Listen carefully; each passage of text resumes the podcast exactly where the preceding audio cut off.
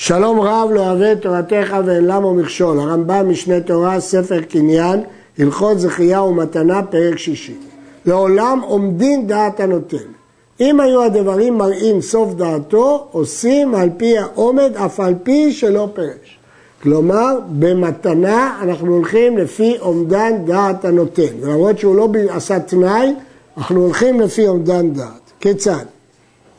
מי שהלך בינו למדינת הים ושמע שמת ועמד וכתב כל נכסיו לאחר, מתנה גלויה, גמורה, ואחר כך בא בנו. התברר שהבן חי, אין מתנתו קיימת, שהדברים מוכיחים שאילו ידע שבנו קיים, לא היה נותן לזה כל נכסיו. בגלל שהוא שמע שבנו מת, אז הוא נתן במתנה את נכסיו. אילו היה יודע שבנו חי, לא היה נותן, לפיכך. אם שיער מנכסיו כלשהו, בין קרקע בין מיטלטלין, מתנתו קיימת. כי אם הוא שיער, סימן שהוא חשב אולי בנו חי. אז אם כך, הוא כבר לקח את זה בחשבון, ואת השאר הוא נתן בכל מקרה. וכן הכותב כל נכסיו מתנה לאחד מבניו, בין שהיה בריא הנותן, בין שהשכיב מרע. אפילו היה בן קטן המוטל בהריסה שקיבל את המתנה. לא עשהו אלא אפוטרופוס, והרי הוא בכל הנכסים כאחד מאחיו. אומדן דעת הוא שלא נתכוון אלא להיות אחיו נשמעים לו. אנחנו מעריכים שלא הגיוני שאבא רצה להפקיע מכל הבנים את הירושה, אלא ההיגיון הוא שהוא התכוון למנות אותו אפוטרופוס. אבל, ואם שיער קרקע כלשהו, בין, קרק, כלשהו, בין קרקע בין מיטלטלין, זכה הבן במתנה. אם האבא שיער משהו שהוא לא נתן לו, סימן שהוא לקח בחשבון מה להוריש לשאר האחים. סימן שהוא רצה להעדיף את הבן הזה, ואז מתנתו מתנה. במה דברים אמורים? שכתב לבן בין הבנים, אבל אם כל, כתב כל נכסיו לבן בין הבנות, או לבת בין הבנות, או לאחד מן היורשים בין שאר היורשים, אף על פי שלא שיער כלום, מתנתו קיימת. כל הדין שאמרנו קודם, כשיש כמה בנים והוא נתן לבן אחד. אבל אם יש בנים ובנות או יורש אחר, פה הדין הזה לא קיים והוא יכול לתת לאחד את הכל ואין עומדן דעת בזה. את החילוק הזה, המקור שלו בהלכות הריף על פי הגאונים. כותב על זה המגיד משנה שזה מילתא בלא טעמה. לא מובן מה ההיגיון בטעם הזה. כנראה שזה צמצום של האומדן דעת. וכן הכותב כל נכסיו לאשתו, בן בריא, בן שכיב מרע, והניח את בניו, לא השאיר כלום לבנים. אף על פי שקנו מידו, עשו קניין סודר על ההתחייבות שלו. לא אסרת לאפיטרופה בין יורשה, על יורשיו. אנחנו מעריכים שהוא לא בא להפקיע את היורשים ונכסים, אלא הוא בא להגיד להם שאשתו תהיה אחראית על החלוקה. בין שיורשיו בניו ממנה, או מאחרת, או אחיו, או שאר יורשיו, לא הגיוני שהוא הפקיע את הירושה מכולם ונתן לאשתו, ויותר הגיוני שהוא התכוון למנותה אפוטרופוס. ואם שיער כלשהו, בין קרקע בין מיטתם, קנה את כל שכתב לה. שוב, כיוון שהוא שיער משהו, אז הוא הוכיח שהוא לקח בחשבון את שאר היורשים, והוא התכוון להעדיף את אשתו עליהם, ולכן דבריו קיימים. במה דברים אמורים? בנשואה. אבל אם כתב כל נכסיו לאשתו ארוסה או גרושה, אף על פי שלא שיער כלום, הרי כשאר כל אדם ומתנתו קיימת. ההיגיון הוא שבארוסה ובגרושה, הרי אין להם חלק בנכסיו אם הוא מת, הוא נותן להם מתנה הוא לא יורש אותם, לא את ארוסתו ולא את גרושתו, ולהם אין חלק, וגם לא הגיוני שהוא ממנה אותם אפוטרופוס על הבנים, כיוון שלא הגיוני שהוא ממנה אותם אפוטרופוס על הבנים, מסתבר שהוא נתן להם מתנה גמורה. הכותב כל נכסיו לאחד מבניו ולאחר, אבל הוא לא אמר כמה לזה וכמה לזה.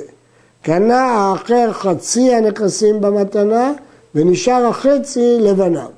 והבן שנתן לו אפוטרופוס על שאר אחיו. הרי אמרנו שאם הוא נתן לבן, הוא רק התכוון למנותו אפוטרופוס.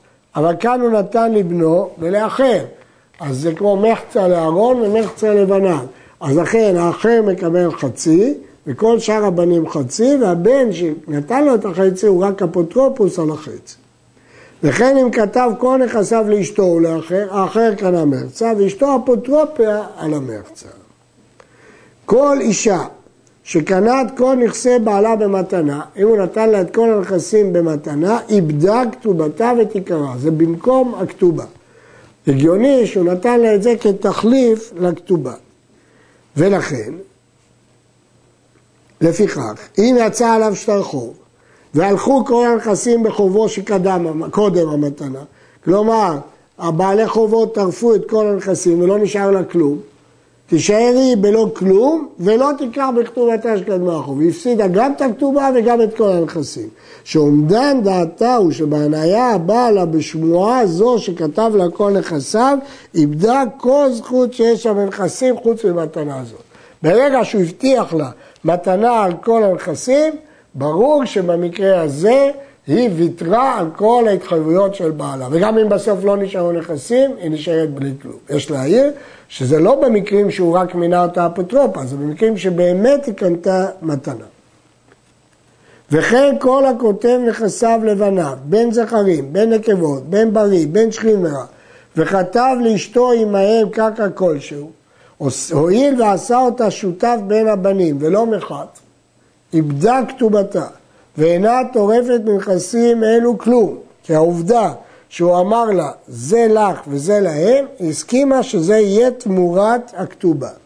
אבל מנכסים שעברו לו אחר אלו, אם הוא הספיק להמשיך לחיות ולקנות נכסים, נוטלת מהם כתובתה, כי על הנכסים האלה לא דיברו, הוא לא הבטיח אותם לבנים. כתב לה עמהם מטלטלים בלבד, או ששייר לעצמו קרקע כלשהו, כתובתה קיימת. כי זה לא נקרא שהוא נתן לה את כל הנכסים, אלא הוא נתן לה מטלטלים. ותקנת גאונים היא שאפילו שיער מיטלטלים כלשהו כתובתה קיימת. הגאונים בזמנם לא היו הרבה קרקעות והרבה מהלכות שהיו בקרקעות הם החליפו למטלטלים. שהרי היא אומרת, ממה ששיער אני גובה. היא לא ויתרה על הכתובה, היא ידעה שהוא שיער לו נכסים, ומתוך שתרד למה ששיער, תרד לשאר נכסים ותטרוף. כלומר, כיוון שהוא שיער משהו שהוא לא נתן לה, אז היא שמחה על זה לכתובה, אז אין ראיה שהיא ויתרה על הכתובה, ממילא יכולה לגבות מהכל. הכותב כל נכסיו לבניו, וכתב לאשתו חלק עמהם, שאמרנו שאיבדה את כתובתה, ומת אחד מן הבנים, הרי זו גובה כתובתה מחלק זה שמת. שלא איבדה זכותה, אלא מלטרוף מהם. מה שאמרנו שהיא ויתרה על הכתובה, לא שהיא ויתרה על כל הכתובה. ברגע שהסכימה שנתנו לאחרים נכסים, היא הסכימה לא לטרוף מהם. אבל אם אחד מת, ודאי שהיא קודמת ליורשים. הרוצה להינשא וכתבה כל נכסיה, כדי שבעלה לא יקבל אותם, בין לבנה, בין לאחר, ואחר כך נישאת. ונתגרשה, עומד בעלה, מתנתה בטלה. היא לא התכוונה לתת ברצינות. היא רק רצתה שבעלה לא ייקח את הנכסים, לכן היא כתבה אותם לבנה או לאחיה.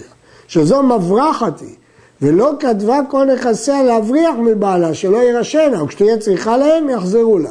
זה כאילו מתנה על תנאי, שאם היא תזדקק להם, היא תחזור עליהם. לפיכך, היא מתה היא בחיי בעלה, כלומר היא לא הזדקקה להם, קנה, מקבל מתנה את הכל.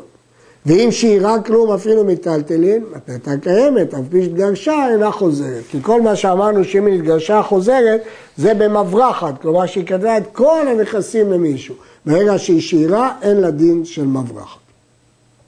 כל הנותנים כל נכסיהם, כשתבטל המתנה ויחזרו כל הנכסים לבעלים הראשונים, כמו במקרה הקודם, אין המקבל מתנה מחזיר פירות שאכל.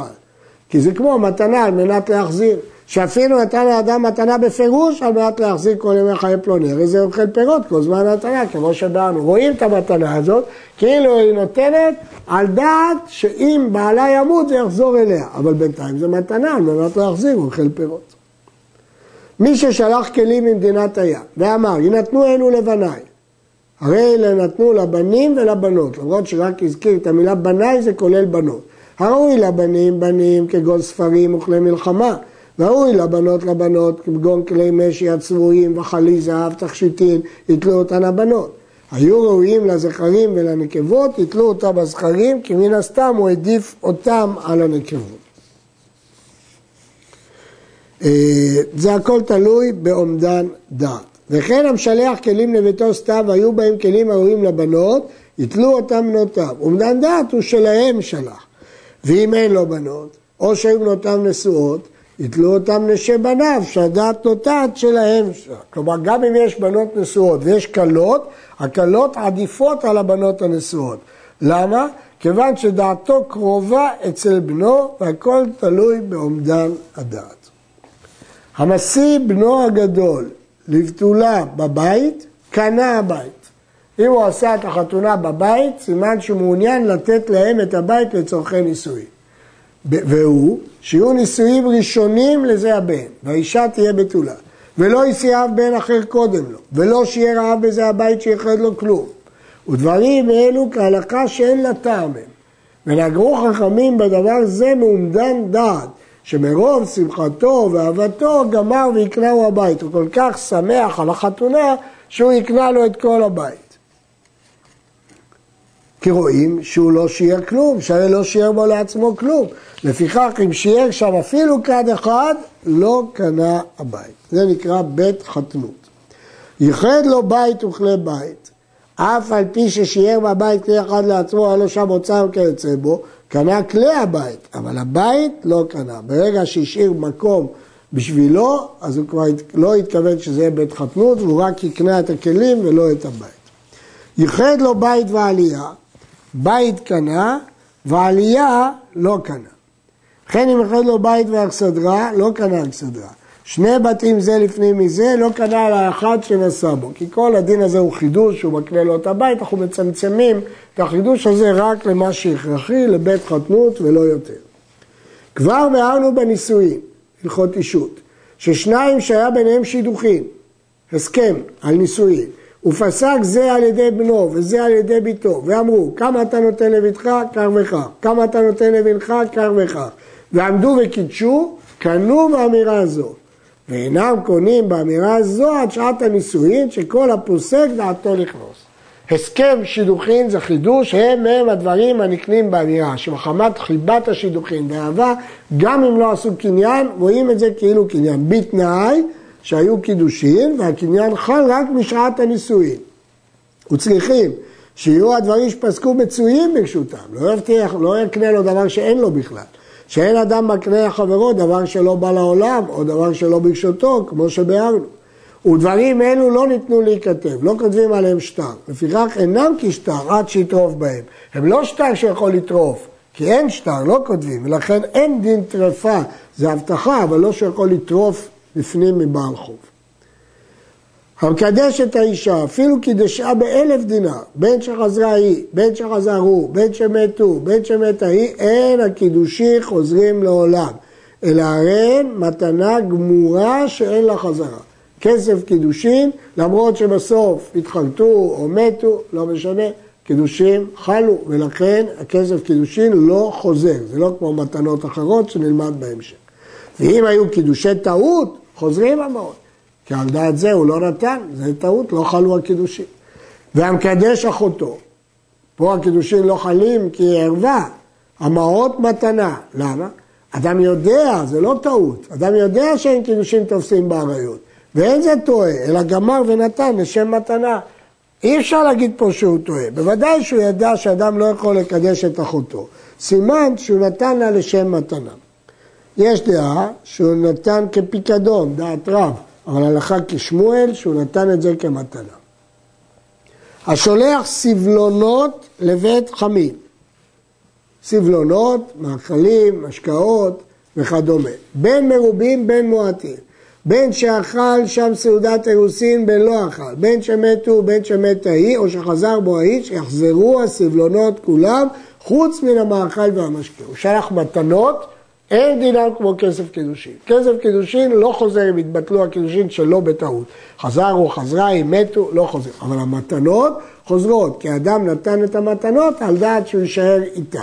ולכן כל המתנות שהוא שלח, בין אם הוא אכל צורת אירוסין, בין אם לא אכל, הכל חוזר, חוץ ממאכל ומשתה שהוא נתן על דעת שהם יאכלו אותה.